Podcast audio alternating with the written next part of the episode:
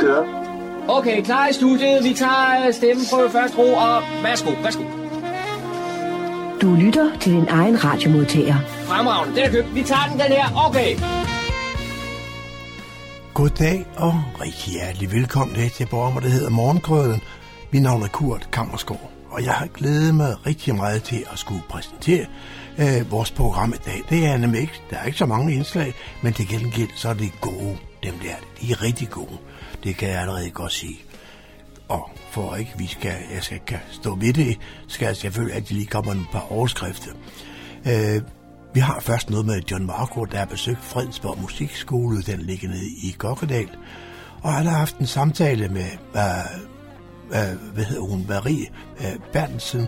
Uh, hun er daglig leder af musikskolen dernede, og det skal vi selvfølgelig høre noget mere om, hvad det er for noget. Det er noget, der er meget populær, musikskolen her i vores kommune. Så har Daniel kigget lidt på lokale nyheder, der man har fundet på det, der hedder humleborg.dk. Der er altid masser af nyheder, og dem har jeg plukket lidt i og fortælle lidt mere om dem. Don Marco var ude og køre forleden dag, så løb han ind i en flok motorcyklister med den klingende navn Gentleman Rider. Hør mere om, hvad det er for noget her også i løbet af formiddagen. Og så er det som bekendt den første søndag i den nye måned, og så er der jo tid til, at vi skal høre uh, denne, uge, denne måneds udgang, hedder det, eller udgave af BBT-podcasten.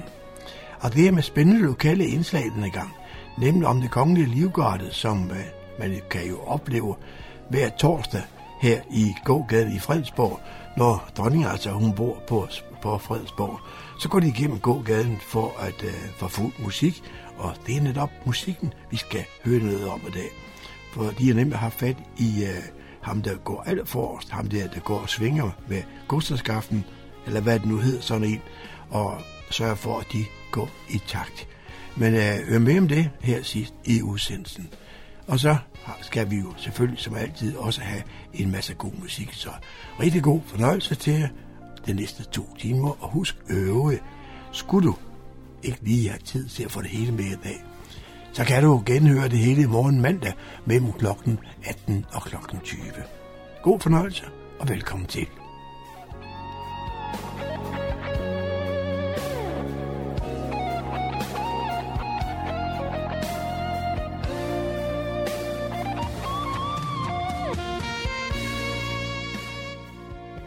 Du er stillet ind på Nordsjællands voksne musikstation, frekvens 104,3 MHz, Radio Humleborg. Jeg er taget til Fredensborg Musikskole, der ligger i Kokkedal, og her foran mig sidder Maria Blom Bertelsen, der er leder af musikskolen. Øh, Maria, måske kunne du præsentere dig, hvor i verden du kommer fra, og, og hvilken uddannelse du har. Ja, jamen tak fordi du vil komme og besøge mig. Jeg hedder som sagt Maria Blom Bertelsen, og jeg er blevet musikskoleleder 1. januar øh, på Fredensborg Musikskole. Og jeg kommer fra mange steder. Jeg er født i Helsingør i 66, og opvokset på Lolland. Og da jeg var færdig med at gå i gymnasiet der, så flyttede jeg til København og kom på konservatoriet. Så jeg er uddannet fra konservatoriet i København, men også i Aalborg, for inden jeg blev færdig, så var jeg blevet gift, og min mand fik arbejde i Aalborg, så vi flyttede derover, og jeg blev færdig, og var så 16 år i Jylland.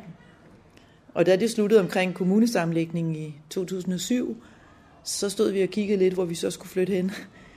Og så tænkte vi, at øh, Lolland var ikke sådan lige oplagt. Vi, havde, vi har to drenge, som skulle videre i uddannelsessystemet, og det er jo også lidt langt væk.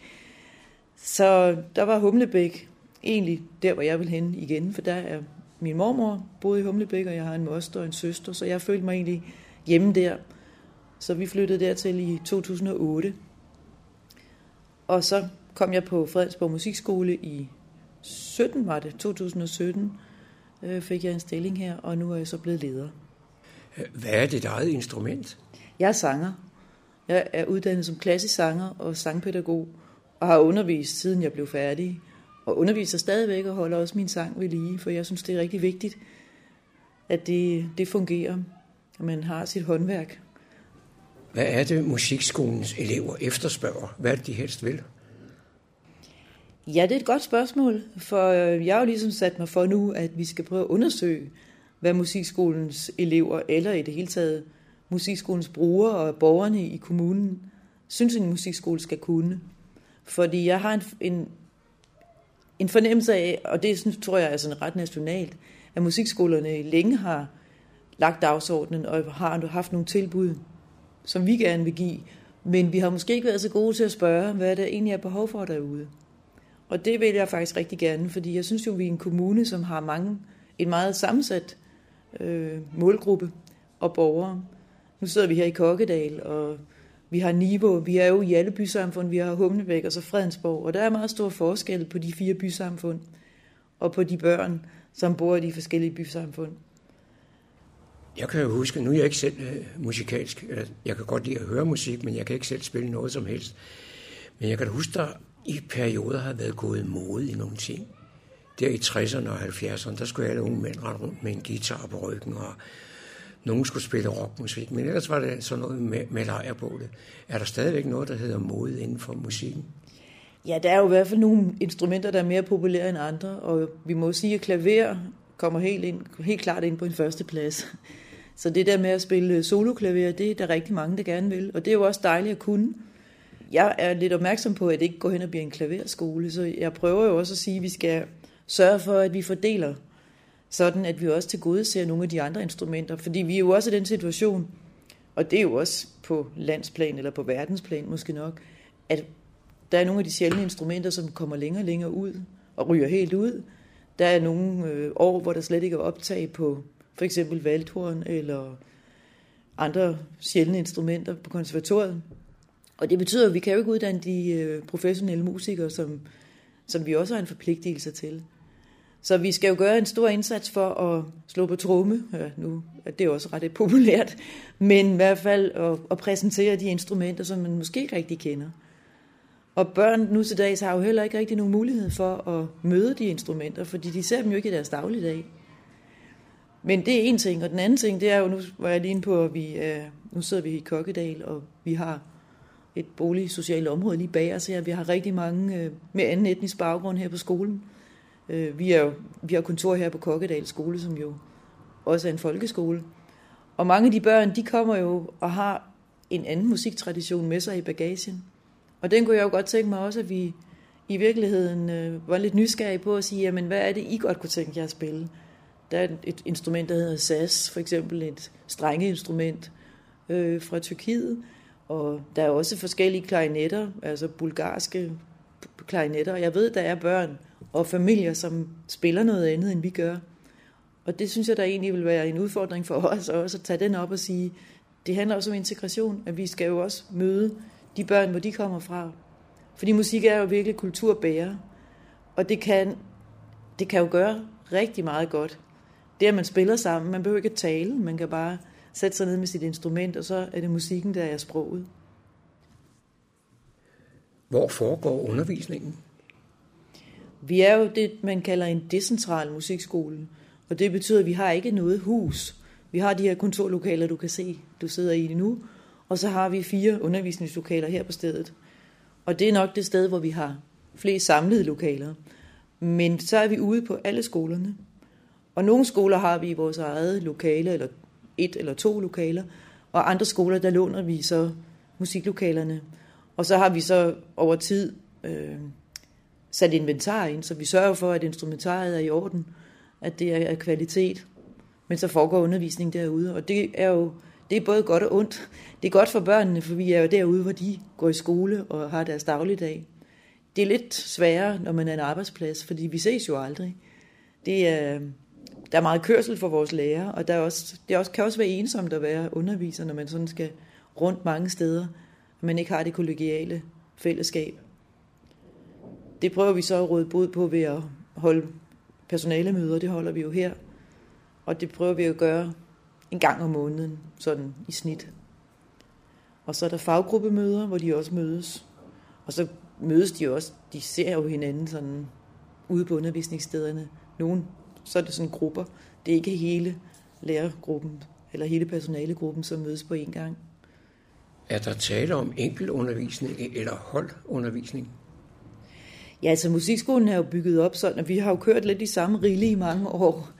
Og der er mange musikskolelærer, og nu taler jeg igen ikke kun her, men sådan generelt, som ser deres rolle som solounderviser primært. Og så har de sammenspil selvfølgelig øh, orkester, hvor de er flere. Men det der med at have store hold og have børn, øh, det, er, det er der stor diskussion omkring, om man skal starte børn på hold, eller om man skal have dem solo. Selvfølgelig så er det svært, hvis man skal starte et instrument, og så være for mange i klassen, fordi så får du ikke, igen er det et håndværksfag, så hvis man får en forkert teknik ind fra starten af, så er man jo ildestet. Men jeg kunne rigtig godt tænke mig at arbejde for, fordi jeg synes jo, musik er fællesskab, og det er jo egentlig det, der er hovedoverskriften. Så arbejde for, at, øh, at vi får flere børn ind igennem fællesskabet. Altså, de, at de bliver præsenteret for musikken. Nu er sang jo mit fag, og jeg vil jo slå på trummen for, at sang er et fælles fag. Altså, der, hvis du skal gå til soloundervisning, så skal du være noget noget længere, og du skal have sunget og kende, kende din stemme. Altså, det, det, det giver ikke mening at begynde at undervise et barn på 10 år i solosang, hvis barnet er fuldstændig blank eller aldrig har sunget. Så solosang skal ikke, er ikke det første. Er ikke, så der, der, vil jeg, der vil jeg virkelig tale for kor og sang. Og det skal vi udvikle noget mere. Og det samme også at lave nogle flere sammenspilsgrupper, hvor man kommer ind. Vi har jo det, det vi kalder karusel, som er til primært 2., 3. og 4. klasse ude på skolerne. Og der melder børnene sig til, nu, oh, karusel, det er jo noget, hvor man skifter. Øh, og her skifter man instrument hen over året, så man bliver præsenteret for forskellige instrumenter, så man ligesom får en forsmag på, hvad kan jeg, hvad, kunne, hvad kan tænde mig, hvad vil jeg gerne spille, når jeg skal vælge et solofag. Og det er jo en god indgang til det, og det handler jo også om at få øh, samspillet med som en væsentlig del af det at gå til undervisningen. Har du nogen fornemmelse af, om interessen for det at lære at spille et instrument eller at synge, det er noget, der er blevet mere populært, eller om det er, er noget, der er ved at, at se ud? Jeg tror ikke, at det er noget, der er ved at sige ud. Jeg tror jo på, at, at musikken den altid er i os. Og jeg tror jo, at øh, musikken og sangen kom før noget andet, hvis man går helt tilbage i, øh, ja, i verdens begyndelse. Så derfor tror jeg ikke, at du kan sådan bare udradere det. Og, og jeg håber det selvfølgelig heller ikke. Men det er klart, at der er forskellige fokus på det. Og måske, det ved jeg så ikke, om jeg får på hattepullen for, men jeg synes faktisk, vi er en kommune, som måske ikke har deres fokus på det som det primære. Altså det er, øh, det er, det er nice to have. Og der har vi en stor opgave i at sige, at det er need to have. Fordi musik er jo en del af, altså for mig er det ligesom at spise mit råbrød. Jeg vil ikke kunne leve uden. Og jeg tror egentlig også, at man i den her coronatid fik en forsmag på det. Altså det, at Philip Faber, han stillede sig foran og lavede fællesang. Og du kan også se det på inden coronaen og også her, at fællesang er mere og mere udbredt. For eksempel Niveau Bibliotek har jo i en årrække nu har fællesang, og det er virkelig noget, som der bliver efterspurgt og savnet nu her, hvor det ikke rigtig kører, øh, som det har gjort. Så jeg er helt sikker på, at det er et behov i mennesker, og det kan man ikke slå ihjel. Men vi skal bare gøre opmærksom på det, og vi skal også gøre det på en måde, så vi også, altså vi, vi prøver jo også at argumentere for, for der er jo en masse forskning i forhold til, hvad musik gavner. Og, og det, er jo, det er jo helt klart, nu, jeg læste lige her forleden, at, at der er en hjerneforsker, der hedder Peter Wust, som er jazzmusiker også. Han står i spidsen for et, et forskningscenter på Aarhus Universitet, konservatoriet derovre. Og de fik jo lige tildelt 46 millioner her for nylig til at forske i, hvad sang gør ved mennesket. Og der ligger jo allerede en af masse forskningsrapporter, man kan gå ind og læse der, også i forhold til for eksempel ældre mennesker og demens og hukommelse. Hvad sætter det i gang? Det udløser faktisk endorfiner, altså lykkestof i kroppen at synge. Og det er jo, der er jo en masse, kan man sige, gratis ting der. Man behøver ikke at medicinere sig måske i samme udstrækning, hvis man begyndte at ordinere kultur og musik på recept. Det kunne jeg i hvert fald godt ønske mig at arbejde for. Nu er Fredensborg Musikskole jo en relativt stor organisation. Hvor, hvor mange elever er der i, i øjeblikket? I øjeblikket har vi omkring 550 elever, og vi kan sagtens være flere. Men øh, altså, der er jo også forskel på, nu kan man sige, der kom en, en øh, tænketanksrapport tilbage i 2016 fra, nej 13 tror jeg det var. Nå, årstallet er sikkert også ligegyldigt. Øh, som havde sat sig ned for at prøve at analysere musikskolerne i Danmark og kortlægge det, vi gjorde, og det, som vi måske også skulle gøre noget mere af. Og der kom nogle anbefalinger, 11 anbefalinger derfra, hvor man blandt andet kiggede på skolesamarbejdet, altså musikskolerne og folkeskolerne. Og i 2013, hvor man lavede den her folkeskolereform, som de nu har ændret lidt på, der blev musikskolerne faktisk skrevet ind som samarbejdspartnere. Og det har gået sådan lidt så som så rundt omkring. Nogle steder er de i fuld gang med, med skolesamarbejdet, andre steder er det stadigvæk på sådan et pilotprojekt plan, og det er det også her. Altså der, det er også min vision og mit ønske, at vi får udbygget skolesamarbejdet. Og det vil sige, at vi får lavet nogle, nogle musikaktiviteter, som selvfølgelig, ja, det skal være et samarbejde, så det skal faciliteres af begge, både skolen og musikskolen. Så det, på den måde bliver det jo ikke musikskoleelever, men det bliver børnene. Og jeg synes egentlig, det der er det vigtigste, det er, at det er, vi er jo fælles som de børn, som bor i vores kommune. Og det handler for mig om, at vi får givet dem så mange tilbud som muligt. Og om det er den ene eller den anden part, det er jeg sådan set ligeglad med. Det skal bare være af god kvalitet. Og der kan musikskolen jo byde ind, fordi vi har en faglighed på, på det her område, som er, er, ja, som er unik. Altså en høj faglighed, som virkelig kan, kan give den kvalitet, som børnene skal have. Der oplever jeg jo lidt, at øh, musik også igen, det er blevet lidt sådan et, det kan alle jo, agtigt. Der er jo den her X-Factor og andre programmer, hvor man får en fornemmelse af, at det er jo altså piece of cake, man kan bare stille sig op og så køre den. Og det er jo, det er jo ikke rigtigt. Altså alle, som arbejder med håndværk, det kan jo være sneker, og det kan være alle mulige andre håndværk, ved jo, at det tager år. Det tager, det tager lang tid at forme. Og det tager rigtig mange timer i studiet. Det kan tage knofedt, og det tager timer at stå og øve sig på sit instrument, før at det bliver ordentligt. Og det er måske nok den største udfordring, vi har, det er, det er lidt den der sapperkultur, eller at vi skal lære børnene, at det, det kræver altså noget af dem. Vedholdenhed og fokus og engagement. Du talte lidt om, at underviserne, altså lærerne, de har stor faglig dygtighed. Hvor mange medarbejdere har du egentlig? Lige nu er vi et par 20 lærere, og de er ansat fra alt mellem fire timer om ugen og så op til fuld tid. Og når jeg siger fire timer om ugen, så er det fordi, det er en lærer, som har, som er, altså de er uddannet på hver deres instrument. Og, og nu snakker jeg om de her fra, øh, sjældne instrumenter før, og dem har vi jo også nogle af. Og vi har jo ikke så mange elever på dem, og derfor kan vi jo så heller ikke rigtig tilbyde så mange timer til vores ansatte. Men øh, de er vigtige, at de er der. Og det er jo fantastisk, at der er nogen, der, der vil lade sig ansætte i så lille en kvote, men det er jo, sådan er det at være musikskolelærer.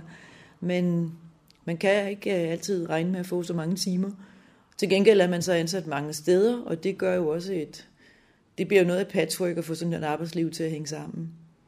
Men de er jo alle sammen uddannet fra konservatoriet, og det vil sige, at de har jo en lang videregående uddannelse bag sig. Og de er for det meste uddannet som musikpædagoger, eller musiklærer hedder det nu til dags, eller bachelorer hedder det jo nu. Men jo, man har jo akademiseret det, så det er blevet øh, universitetsuddannet. Og man har bachelor, og så bliver man kandidat. Og det, det er de alle sammen. Eller noget, der svarer til det.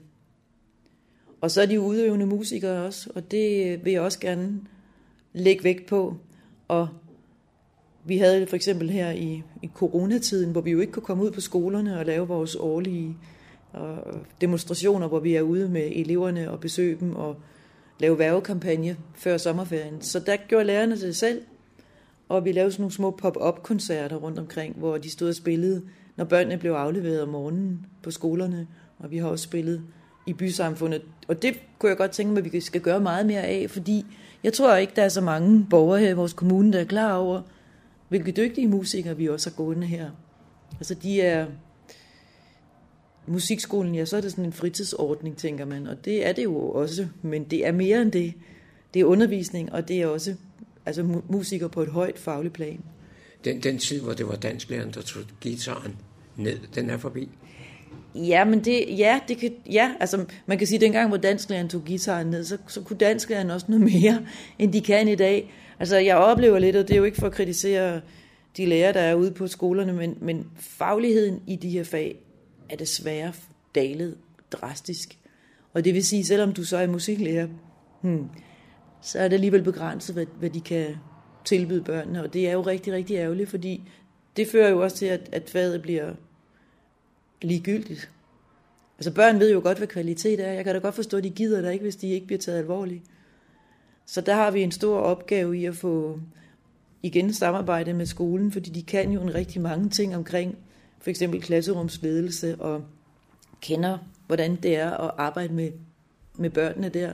Så der vi kan, kan lægge de forskellige kompetencer sammen og få lavet et godt produkt, det, det ser jeg jo som en win-win. Jeg mener, der er sket et, et skridt i den måde, man kan lave musik på. Før i tiden, der var der et helt stort orkester eller en, en lille gruppe. Men nu er man jo faktisk i stand til at sidde derhjemme og, og gøre det selv. Ja, vi har stigende efterspørgsel på det, vi kalder for musikproduktion. Og øhm, det skal vi jo også lære at håndtere. For øhm, det er helt sikkert, at, at der er en gruppe af unge mennesker, som altså kan ja, lige præcis lave det selv, men måske også kan lave en ny form for musik, som, som vi gamle øh, med et håndværksfag ikke rigtig forstår.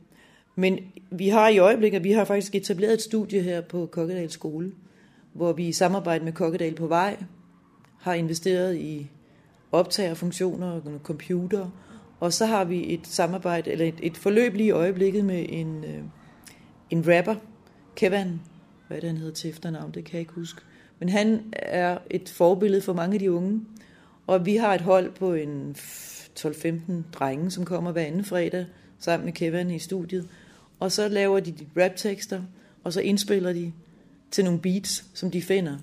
Og det er de meget optaget af, og jeg er rigtig, rigtig glad for, at de har lyst til at komme herover, fordi det er nogle børn eller unge mennesker, som vi ikke har set før, og som kunne være rigtig fine at få indlemmet her, fordi det er jo klart, vi skal også, nu snakker vi om før, om vi følger det, som, som brugerne efterspørger, eller om vi ligesom har vores egen dagsorden. Og her tænker jeg jo, at, at der gælder det jo for os om at følge det, som de unge mennesker efterspørger. Fordi det er dem, der kender alt det her med den tekniske udvikling, og ved, hvordan man skal lave nye hits og, og ting i den boldgade.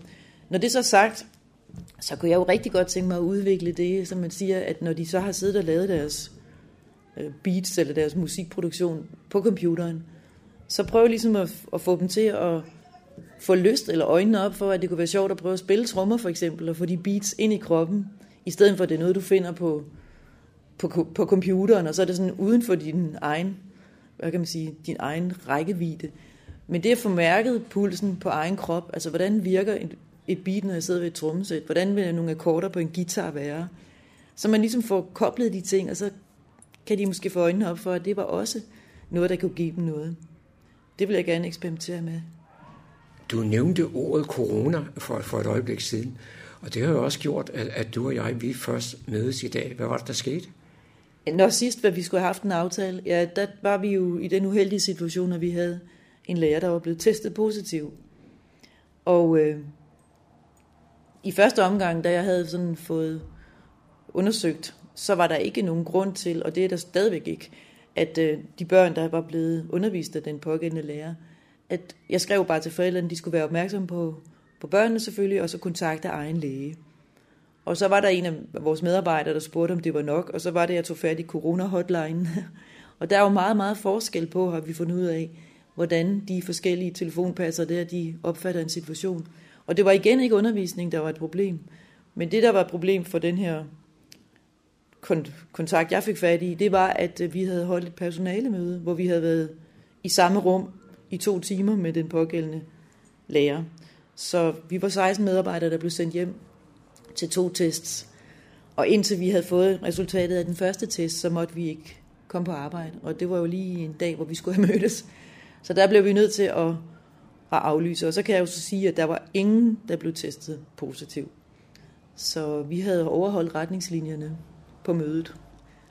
Det var John Marco, der havde produceret dette indslag. Du lytter til Morgenkrydderen. I studiet er det Kurt Kammerskov.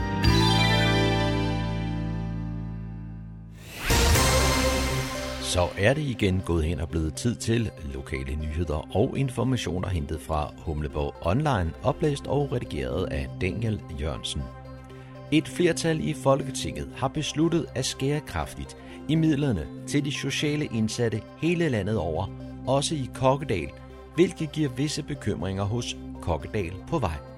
Her fortæller Ole Skjellerup fra Kokkedal på vej, hvad det kan komme til at betyde for den sociale indsats i Kokkedal. Der bliver nationalt sparet 100 millioner om året på, på det her område, og det kommer til at berøre vores helhedsplan her i Kokkedal. Øh, først og fremmest så, øh, så skal vi lægge sammen med helhedsplanen Niveau Nu. Øh, der har vi jo i forvejen et rigtig, rigtig fint samarbejde. Vi kommer til at mærke en besparelse, således at øh, vi bliver reduceret til minimum halvdelen af det, vi er nu. Det er jo selvfølgelig et rigtig, rigtig stort problem for, for fremtiden. Og det bliver så sat i effekt, at det bliver effektueret fra 1. juli øh, 2021. Og over til institutionsområdet. Tal fra Danmarks Statistik viser, at Fredensborg Kommune opfylder minimumsnormeringerne i både vuggestue og børnehave. Sammen med Frederikssund Kommune har Fredensborg Kommune den bedste normering i Nordsjælland. I foråret nedsatte børne- og skoleudvalget en tværgående arbejdsgruppe med repræsentanter fra forældre, faglige organisationer og medarbejdere, der sammen belyste forskellen mellem normeringerne, opgjort efter Danmarks Statistiks metode, og den reelle nummering, som forældre rent faktisk oplever i institutionen. Udvalgsformand på området Per Frost Henriksen glæder sig over, at man nu kan se de senere års politiske prioriteringer på børneområdet og giver stor ros til kommunens pædagoger og medarbejdere. Men Fredensborg Kommune vil imidlertid gerne endnu mere, og derfor har man også på området besluttet at give det et ekstra løft i både 2020 og 2021 budgetterne. På Fredensborg Bibliotekerne er der i oktober måned spændende foredrag og workshop for børn om dinosaurer med dinoekspert Sten Andersen.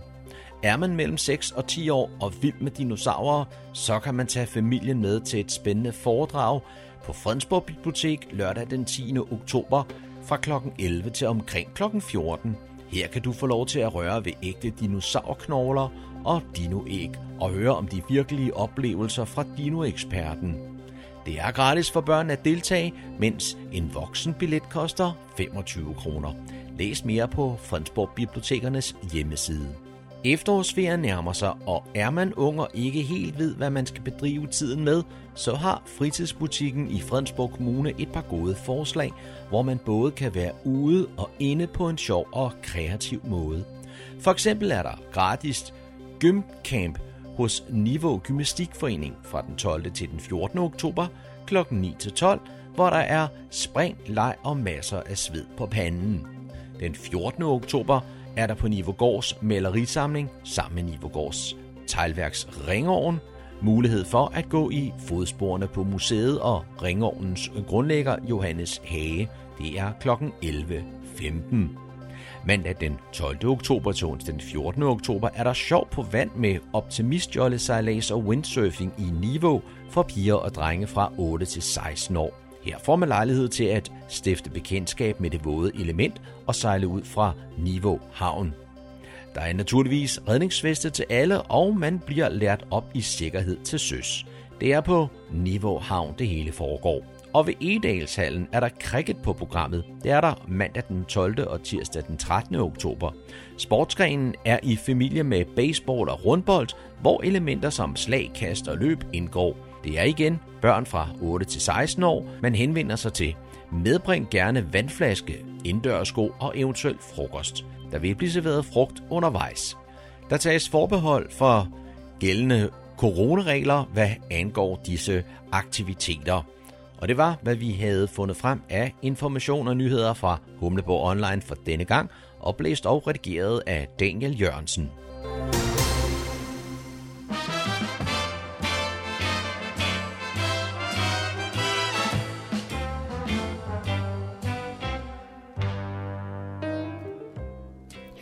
Lytter til programmer, der hedder Morgenkrøderen.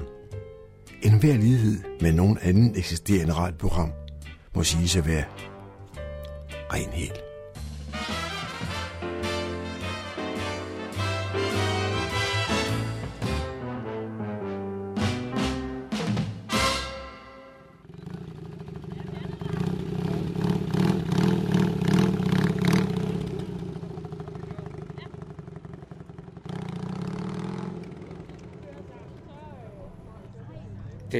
søndag middag, og jeg står her på torvet i Køge, og så møder jeg Morten. Og øh, Morten, du er her sammen med en helt øh, flok motorcyklister. Hvad er det, der foregår? Ja, jamen i dag der skal vi køre Gentleman Ride, som er samarbejde med Movember, hvor vi samler ind til kampen mod prostatakræft og fokus på mænds helbred på vores gamle veteranmotorcykler. De førte noget pænt tøj. Du kaldte det Gentleman Ride? Ja, det er noget fra Australien af, der er blevet gået viralt uh, her internationalt. Vi har kørt det i fem år i Danmark, og det handler bare om, at vi tager noget pænt tøj på og prøver at skabe mere fokus på mænds helbred. Når jeg normalt møder motorcykler i flok, så kan det være samme øh, fabrikat, men her der er der mange fabrikater. Ja, jamen vi har alle sammen en, øh, en form for interesse for gamle motorcykler. Vi både skruer på dem, og vi nyder en, en hyggelig tur en gang imellem. Og så har, er det bare hyggeligt at mødes med en masse andre motorcykelinteresserede, og så har vi et godt formål i dag, når det er gode vejr. Så. Og nu ser du skruer på. Ja. Nu ved jeg ikke, hvad du laver til dagligt. Det kunne du måske fortælle mig. Jamen, øh, jeg sidder faktisk med reservedel til biler, så jeg har lidt interesse og erfaring med biler også. Og så har jeg valgt en gammel motorcykel, fordi det synes jeg bare, det var lidt sjovere end en moderne motorcykel. Og du er selv i stand til at skrue lidt på En smule er jeg, ellers så har jeg hjælp fra mine kammerater, der også kører på gamle motorcykler. Hvad er det, der er så fascinerende ved gammel mekanik? Jeg synes bare, det har mere sjæl og personlighed end øh, en moderne motorcykel, som øh, alle bare kan hoppe ud og køre på. Jeg synes, det har, ja, det er bare lidt mere spændende med noget, der skiller sig lidt ud og fra gamle dage, hvor tingene bare var lidt anderledes og lidt havde sin egen charme. Hvor meget tid bruger du selv på din motorcykel? Jamen nu er jeg jo næsten blevet færdig med at bygge min, men så har jeg da bygget flere timer om ugen, og gerne med kammerater, hvor vi kan tage ned i en skruegarage, primært i Roskilde faktisk, hvor der er en skrueklub for gamle motorcykler. Og så synes jeg bare, det er en spændende og en del af hobby. Min søn, han synes også, det er sjovt at kigge på det. Men det er jo klart, når man er, er flere om at have den samme interesse, så, ja. så begynder det at ligne noget. Ja, man får et godt fællesskab og nogle nye venner. Jeg har i hvert fald mødt rigtig mange igennem min interesse for gamle køretøjer. Og kunne du lige nævne lidt mere om arrangementet i dag? Ja, men altså, vi samler penge ind til prostatakræft og mænds helbred mentalt, og vi kører rundt hele verden. Jeg tror, det er 300 lande, vi kører. I Danmark der har vi så valgt at køre enkeltvis, men vi har så samlet et par lokale, der også kører motorcykel her i omegnen, Solrød og Køge. Og så kører den fælles rute her i Køge, hvor vi kører rundt i vores jakkesæt og får lidt god opmærksomhed og vinker til folk. Og bare har en hyggelig dag, hvor vi har et godt formål.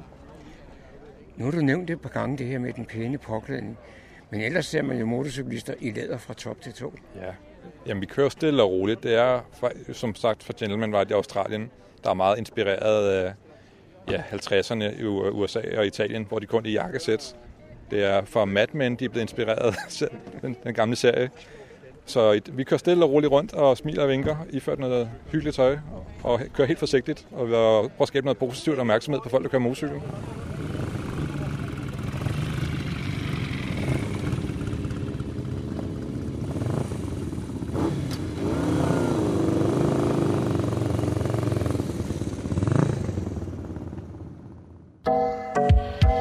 Lytter til morgenkrydderen.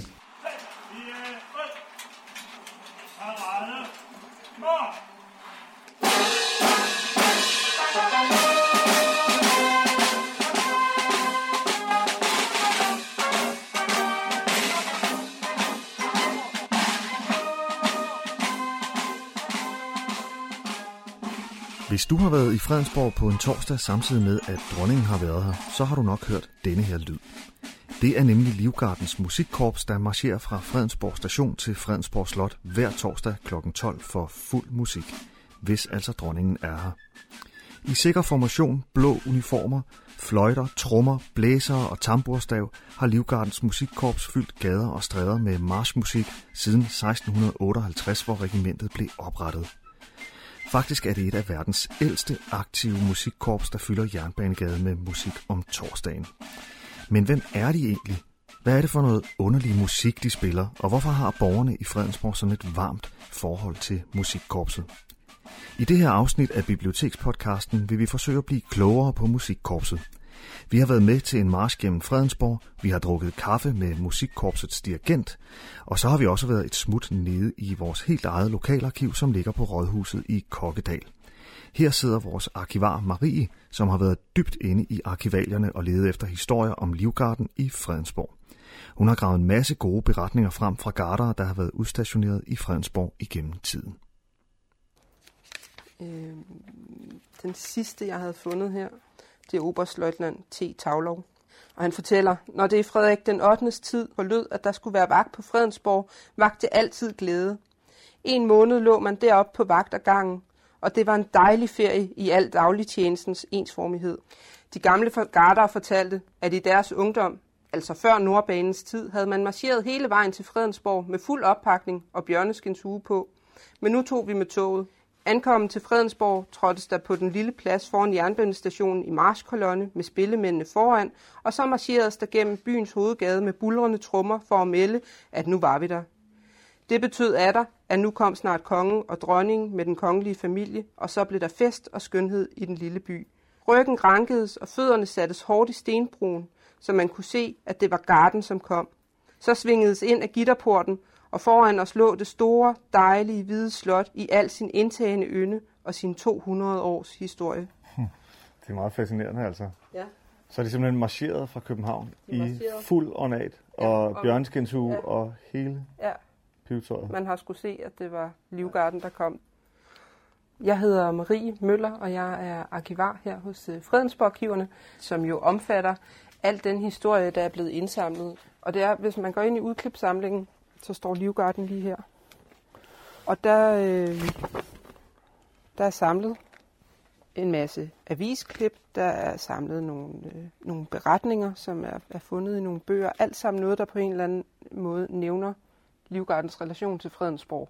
Så det er egentlig det materiale, som ligger her, som er ja. det, jeg tænkte, at vi skulle kigge på.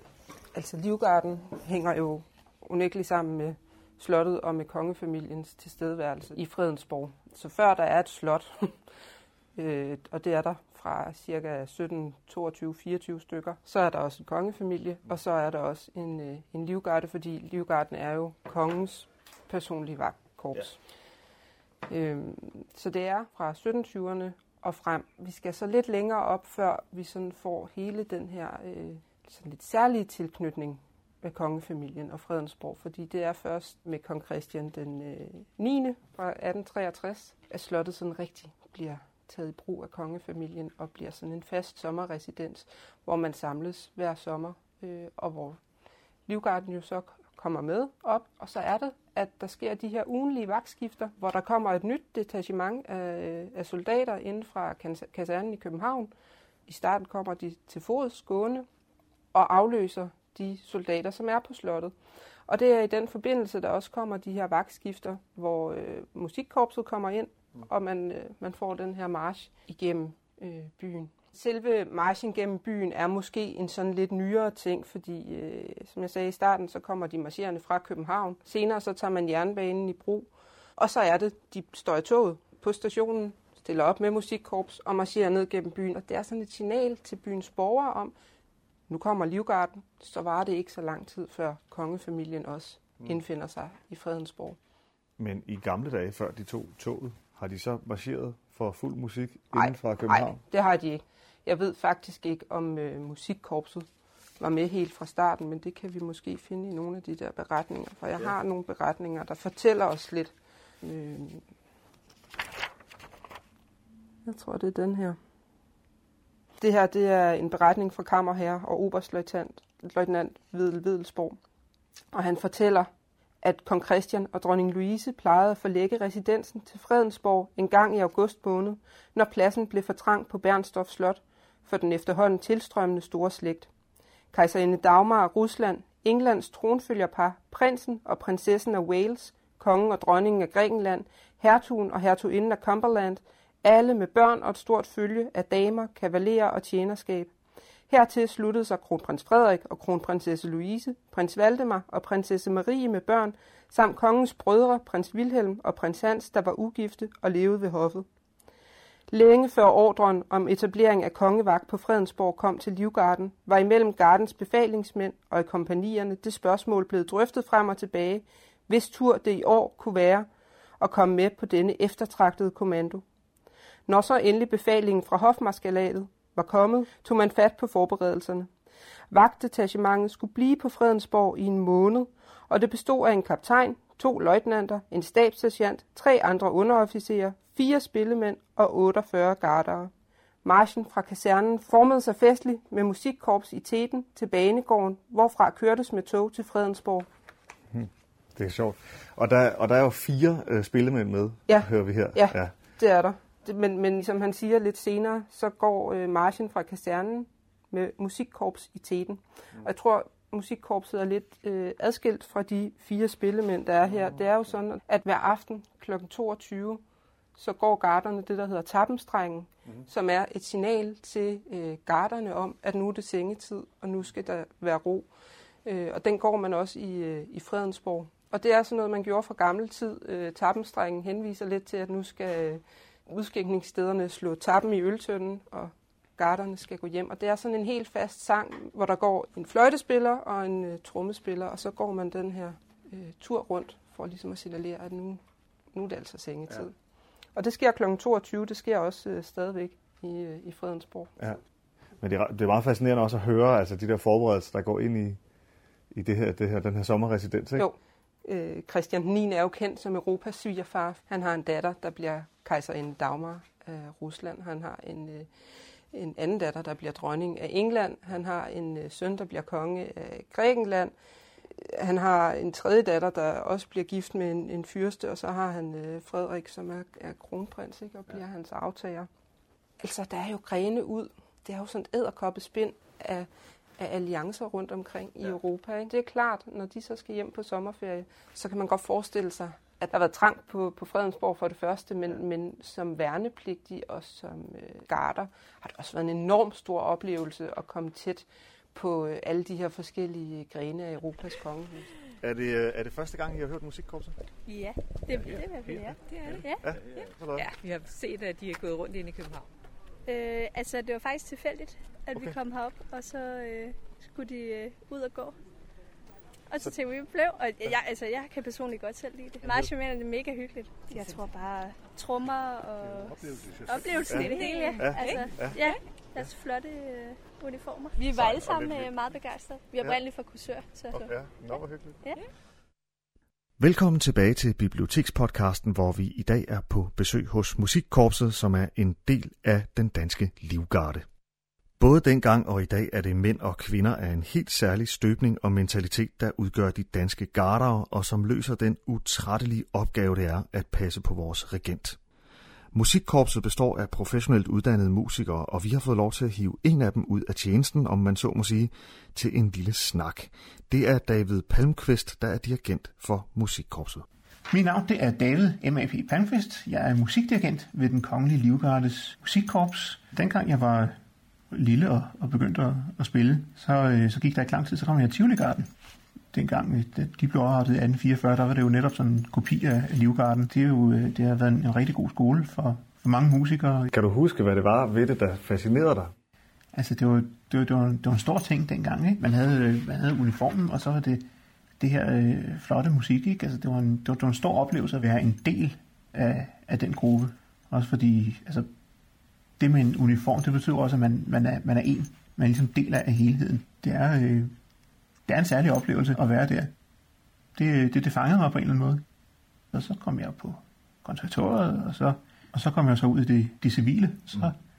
kom der først en stilling som, øh, som almindelig musiker. Søgte jeg den og vandt den. Og så for øh, fire og et halvt år siden, der var der så øh, konkurrence om stillingen som musikdirigent.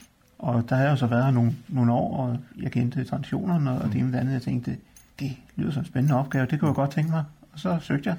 Øhm, så jeg er så endt i, vi har lidt et pladsproblem ja. på kasernen inde på Goddersgade. Den er ikke blevet, blevet bygget til, øh, til os. Øhm, så jeg er så endt i, i vores nådearkiv, øh, som jo så også udvider sig fra, fra dag til dag og fra, fra år til år. Regimentet blev oprettet i 1658. Så der, der ligger jo rigtig mange øh, år til, til, til baggrund for alt det, som vi gør nu. Og musikken har ligesom været en del af det øh, lige fra starten. Så vi er også et af verdens ældste stadig eksisterende militære musikkorps. Så det sætter også nogle, spor i, øh, i, i, vores, øh, i vores hverdag. Hvis vi er tilbage i, i 1700 og et eller andet, så er det jo meget mere enkelt militærmusikken. Der er ikke så mange øh, musikere, og der er ikke, øh, det er ikke så mange instrumenter. Det har ikke helt de samme ceremonielle former, som, som det vi kender nu. Nej. Men var det, pri- var det primært ceremonielt dengang? Der er så to spor i det, ikke? Altså det ene, det er jo, øh, det er jo selve øh, det ceremonielle og, og underholdningsfaktoren i det. Mm. Altså man har også altid øh, øh, skulle underholde kongen øh, på en eller anden måde, eller, eller dronningen. Og så er der også den rent praktiske øh, ting ude i felten. Og der er det jo mest øh, trompeterne, signalhornene og, og trommerne, der har haft øh, deres, deres forte der. Det er også netop fordi, at de kan høres vældig fint gennem kamptumulten. Øhm, så signalerne, det er jo det er også det, som hedder et, et praktisk kommandoføringsmiddel, hvor der rent faktisk findes hundredvis af forskellige signaler, som hver har deres egen lille betydning. Og øh, dem, som måske kender lidt til, til signalhorn, de ved, at der er ikke så frygtelig mange toner at, at vælge imellem, og derfor skal der en ret stor opfindsomhed til for at finde, at finde hundredvis af signaler, som kan kendes igen fra hinanden. Det soldaterne, de skulle ligesom kunne, kunne, kunne genkende signalet og forstå, hvad det var, det betød. Så derfor gjorde man ofte det for soldaterne, at øh, der ligesom sat tekst på alle signalerne, så kunne de ligesom øh, gå rundt og synge den. Og så som regel så ligger der øh, flere bidder i sådan et, øh, et signal. Allerførst er det, det, som man kalder et avertissementssignal, noget lignende at sige, giv vagt, nu, nu skal I høre efter, nu kommer der noget. Mm. Det næste signal, det var så et kendingssignal, fordi nu skal man jo vide, hvilken enhed er det, der skal gøre noget. Så var der kendingssignaler for, for hvert eneste regiment, for hver eneste bataljon, hele vejen igennem. Og første livgarde, øh, det lyder så, da da di dy da di dy. Øh, teksten til den, den er jo, vi er jo alle gardister. Men så, altså i, i folkemåne blandt soldaterne, der kom den så også til at hedde et flækket surbrød med pålæg, fordi det var ligesom dagsrationen.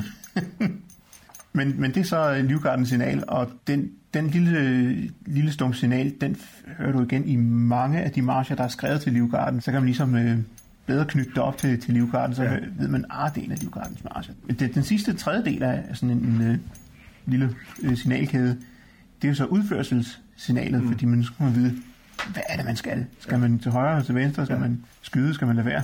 Og øh, der var igen tekst på alle de her signaler, og jeg kan da synge et enkelt let. Det er jo signalet for attacker, og det, det siger altså, stikker du mig, stikker dig, stikker du mig, stikker dig, stikker en slå en fuck og så et rask hurra. Men så vidste man simpelthen, når man stod ude på slagmarken, og først så havde man hørt giv signalet ja. så havde man hørt sin, sin delings, øh, ja. og så kom øh, attacker. attacker signalet, så hvis man nu er det også, nu gælder det. Ja. ja. Så det er jo et helt sprog faktisk. Det er det faktisk, de et, et, et, et, musikalsk sprog. Øhm, og alle disse signaler, de finder jo så også vej ind i selve de marcher, som vi, som vi spiller. Altså, vi har for eksempel øh, en march, som netop også begynder med det der signal, attacker. Og det er jo netop fordi, at det har en, en eller anden relation til, til det, marchen er skrevet til. Det er ret fascinerende, når man dykker ned i det, fordi ja. der ligger meget øh, historie i det. Ja i og med, at vi altid har været til stede omkring kongehuset, så er det jo en, en tradition, der strækker sig over rigtig mange år. I 1700-tallet, der var der jo der var der lidt, lidt mindre musikkorps, men der sker så en ret stor udvikling. I, i slutningen af 1700-tallet, der er sådan generelt i Europa, der, der tager man så det med, som man kalder for den tyrkiske musik. Øhm, og det er så alt det, som, øh, som, som siger kling og altså noget, det, det er særligt bækner og, og stortrommerne, som øh, får deres indtog i, militærmusikken generelt. I starten af 1800-tallet, jamen, der blev det utroligt populært at vise pragt og, og altså noget for, for alle kongehusene rundt omkring. Og hvis der er noget, som, øh, som i ceremoniel grad øh, viser, at man er noget, så er det musikken. Øh, så derfor var der også en lidt, lidt konkurrence rundt omkring for at få øh, bedre og flottere musikkorps rundt omkring. Øh, og så blev der eksperimenteret med instrumenter i alle mulige former. Men særligt instrument som, som tubaen, den fandtes faktisk ikke i begyndelsen af 1800-tallet. Vokser musikkorpset så i den periode til den størrelse, det har nu? Det gør det også, ja. ja. Og hvor mange er der, der er med nu? Hvor mange musikere er der i musikkorpset? Jamen på sådan en parade som den her, der ser du 35 øh, musikere. Mm. Så ser du stabstamburen og, og mig som musikdirigent. Mm. Så vi er øh, 37, hvor der kommer lyd ud af 35 af dem.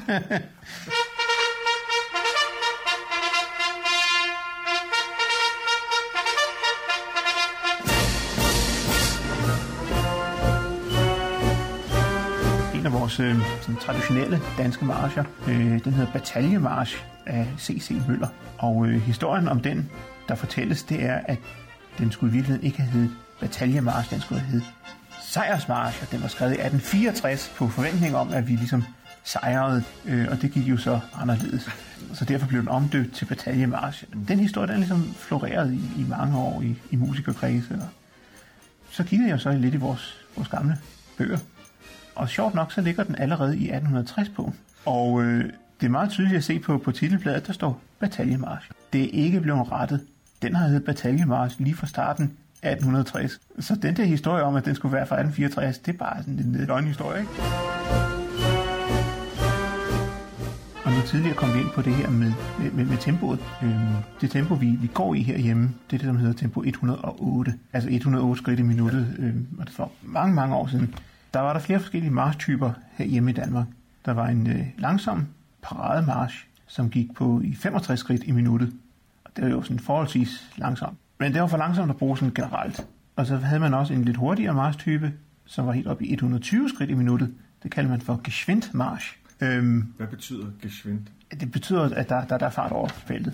Og der er jo selvfølgelig også med 120 skridt i minuttet, men den var også lidt svært at holde, holde dampen op i, i, i længere tid ad gangen. så i øh, 1837, der kom der en kongelig parolbefaling. Selveste kongen han befalede, at fra nu af, så skulle der kun gås én marchhastighed, og det var på 108 skridt i minuttet. Det er muligt, at der er nogen, der har, der går rundt og, ja. og, og testet det. Altså, jeg synes, det føles som sådan en meget naturlig øh, hastighed. I andre lande, der går man ikke i 108 skridt. I Tyskland, der er der officielt tal 114, øh, og i USA, der er der ofte oppe i 120. Tak for musikken. Ja, velbekomme. Du er tamburmajor simpelthen? Ja, du siger det ikke engang til, så besvimer jeg. Nå, ja, det hedder det, det må du ikke sige. Så det hedder stabstambur. Men funktionen er tamburmajor. Stabstambur. Ja. Det var ikke for, forkert, det er en tamburmajor-funktion. Mm. Øh, men han er tamburmajor for hele staben, og det er lidt, det, det er lidt finere, så, så han er stabstambur. Du holder tak. Ja, jeg viser vejen i hvert fald, og veksler spillet mellem øh, musikkorpset, som en del af, og tamburkorpset. Ja, så giver jeg tegn til noget med stop og stand. Med den her tryllestav. Det hedder til gengæld en tamburstav. Øh, det er dagligdagsstav, det der. Vi har også en, en gallastav. Men det er jo rigtig gamle stave. Fra starten af 1800-tallet. Den har set nogle mennesker og gået nogle parader. Ja. Jeg er nødt til at smutte. Hyggeligt at møde dig, men Ja, i lige måde. Øh, jeg har en her fra Kammerherre og Oberst JMH Kirchhoff, og den er fra 15. juli 1862. Marcherede garden til fods, formeret som et kompani fra København til Fredensborg for at forrette vagttjeneste på slottet under kong Karl den 15. ophold der. Allerede på det her tidspunkt, der har man altså marcheret fra København og, øh, og til Fredensborg. Hvor langt er det til fods? Ja, det ved jeg ikke. Hvad er der? En 40 km, vil jeg tro. Ikke? Det er alligevel en god march. Det har ikke været en stroppetur på den måde. Er det første gang, du hører musikkorpset? Ja, det er det. Ja. Hvad synes du om det? Det var, det var dejligt. Det var fedt at høre og se. Ja. Min bror er garder. Han er med i vagtskiftet. Det, det er sgu meget sjovt. Ja. Det har en stor betydning stadigvæk. Ikke? Øh, Fredensborg profilerer sig jo meget på at have, have et slot, ikke? og kommunen, Fredensborg Kommune, er opkaldt efter slottet. Altså det er derfor Fredensborg Kommune endte med at hedde Fredensborg Kommune. Det var fordi Fredensborg Slot lå her. Nu var jeg jo igennem gågaden med jer i dag, ikke? Og det, er- det er jo fantastisk hver gang I kommer gående, altså at opleve folks reaktion på det. Ja. Øh, jeg vil mærke til, at der var flere øh, ældre herrer, som, som stod øh, ranke og, og gjorde honør, og, øh, og jeg hørte også nogen op ved slottet, som var virkelig også sådan helt opslugt af det. Åh, ja. ja. Men hvad betyder det sådan for jer i jeres daglige arbejde, at, at folk reagerer sådan der på jer? Altså, vi ved hver eneste dag, når vi går på arbejde, så bliver vi mødt af smil hele vejen gennem byen. Man oplever ligesom den glæde, man skaber hos folk, og man mærker, at det, man gør, det, det gør en, en stor forskel. Øh, De fleste, de, de er glade for, for det. Nu lader du mærke til de, de ældre herrer, der står ranke, altså uden at jeg lige kender hver eneste af de herrer, der står der. Øhm, så er det højst sandsynligvis gamle garder. Det er et stort, et stort kapitel i deres liv, der Ja. faktisk øh, udspiller sig foran. Det er det, jo. Ja. Der var jo på et tidspunkt, hvor, øh, hvor man nedlagde de her marcher gennem byen. På et tidspunkt så gik man over til motortransport, og så blev de jo kørt direkte til kasernen ned på slottet, og så var der ikke den her ugenlige march gennem Fredensborg, og det var altså en stor sorg. Det, det manglede folk simpelthen, øh, og det kan vi jo også øh, høre på, på nogle af de beretninger. Der er en her fra, øh, fra 1974, hvor der har været en periode, hvor man ikke har marcheret gennem Fredensborg, så, øh, så der er blevet indrykket sådan en rigtig fin øh, artikel her med en garter, hvor der står, velkommen igen Jens. Det glæder os, du er der vender tilbage til Jernbanegade og trækker op hver anden torsdag. Det må naturligvis fejres, og derfor har vi arrangeret en velkomst for dig. torsdag den 9. maj, hvor alle børnene møder op med flag, som kan afhentes hos mejeriudsalget, Jernbanegade 19, og hvor de voksne naturligvis også vil benytte lejligheden til at sige goddag til jer. Det har virkelig været, det har virkelig været en hændelse, det der, ikke? Ja, det ja. har det. Den her, den er også øh, lidt sjov. Det er også bare sådan en, en lille artikel fra Lokalavisen i, øh, i juni 82, og der fortæller han, vi har altid haft et vældig godt forhold til hinanden, men det er nu ikke som for bare få år siden, da det var almindeligt, at de lokale bønder værvede garter til at hjælpe sig i roetiden eller med høsten.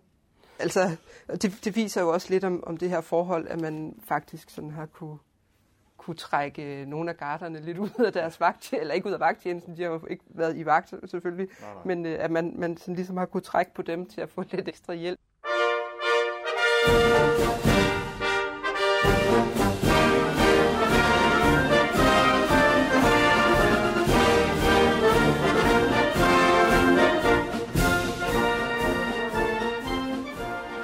Vi hørte jo en, du selv har skrevet nu. Ja, den hedder Kronprinsesse Marys Honørmarsch. Jeg synes, jeg fornemmede nogle øh, referencer ind i den. Det er også fuldstændig korrekt. En, en, en reference til kong Christian stod ved Højen Mast, synes jeg for eksempel. Ja, det var der i slutningen, og der var ja. også lidt fra øh, Walting Matilda. Altså historien, øh, hvordan den øh, blev til, det var i 2014. Øhm, og kronprinsessen havde ikke nogen march endnu. Det synes man så, nu er det på tide, at øh, hun fik en march, og så, så spurgte man så mig, om, om jeg ville øh, forsøge at skrive sådan en til, til kronprinsessen, og det vil jeg selvfølgelig gerne. Det er da også en, en stor ære i at, at få lov til at skrive sådan nogle marcher.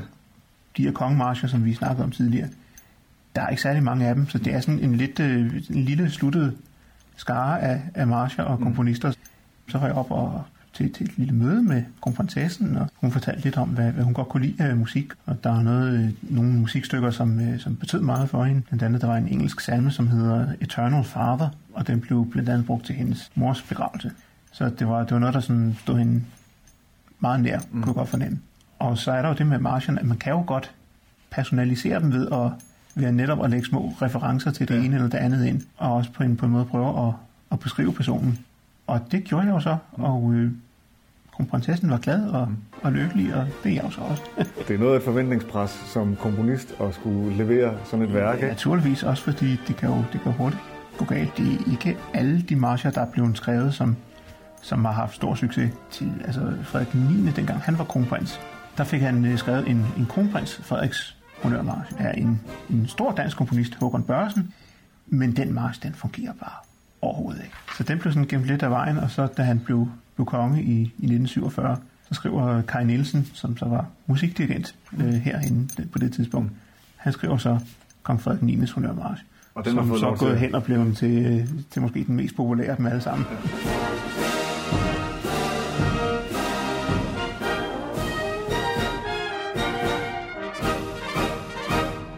Hvis nu man er helt ny i det her, ja. hvor skal man starte med at lytte til, øh, til marchen? Ja, jamen altså, øhm, det jo online. På, på, på YouTube. Der ligger ikke super mange videoer med, med musikkorpset, men, men der ligger nogen. Vi, vi har indspillet dem alle sammen her for et par år siden. Så hvis man leder efter øh, Livgardens musikkorps yeah. på YouTube for eksempel, mm. så dukker det op? Ja. Men hvis man øh, går bort fra, fra, fra, fra Livgarden, øh, altså H.C. Lundby, han er jo et, øh, et, et godt navn. Han, han skrev ufattelig mange ting, mm. øh, som også ligger sådan lidt til grund for, for den danske tradition. Øhm, og øh, vores gamle musikdirigent Kai Nielsen, han skrev så Frederik Niels March og øh, flere andre.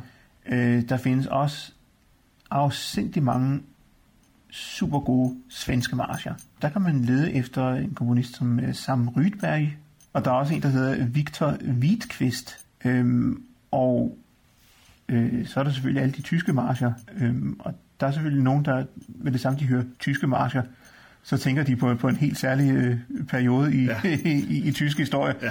Øhm, og, og jo, der blev også skrevet mange øh, marcher på det tidspunkt, mm. men de er også nogen, som har været gode til at holde fast i, i deres traditioner og de, og de gamle marcher. Mm. Og det er noget, som stadigvæk bliver, bliver spillet i, i Tyskland. Ja.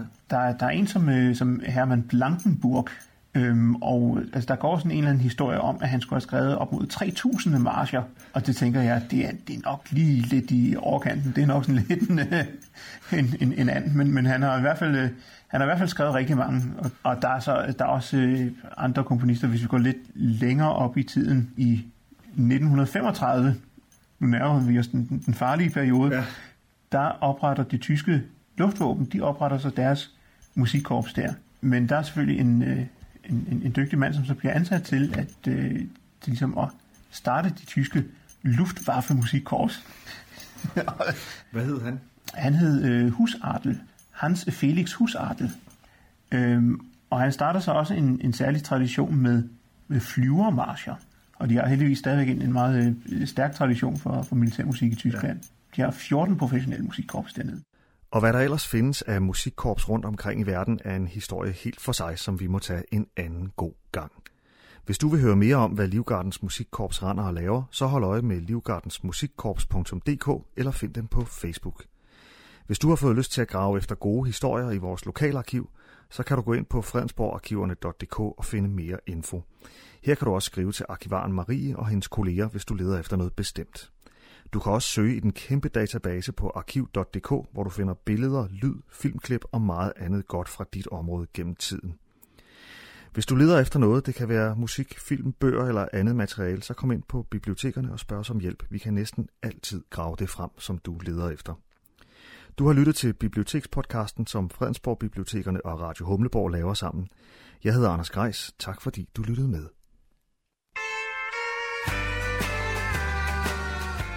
Radio Humleborg. Nordsjællands mest voksne lokalradio.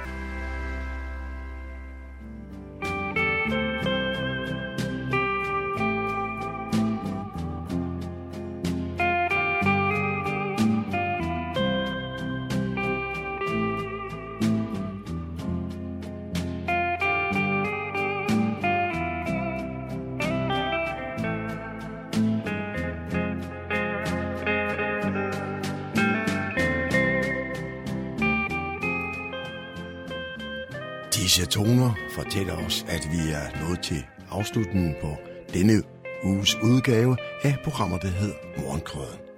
Her fra redaktionen, som består af undertegnet, jeg hedder Kurt Kammersgaard. Ja, der siger jeg tak for nu, og på genhør en anden god gang.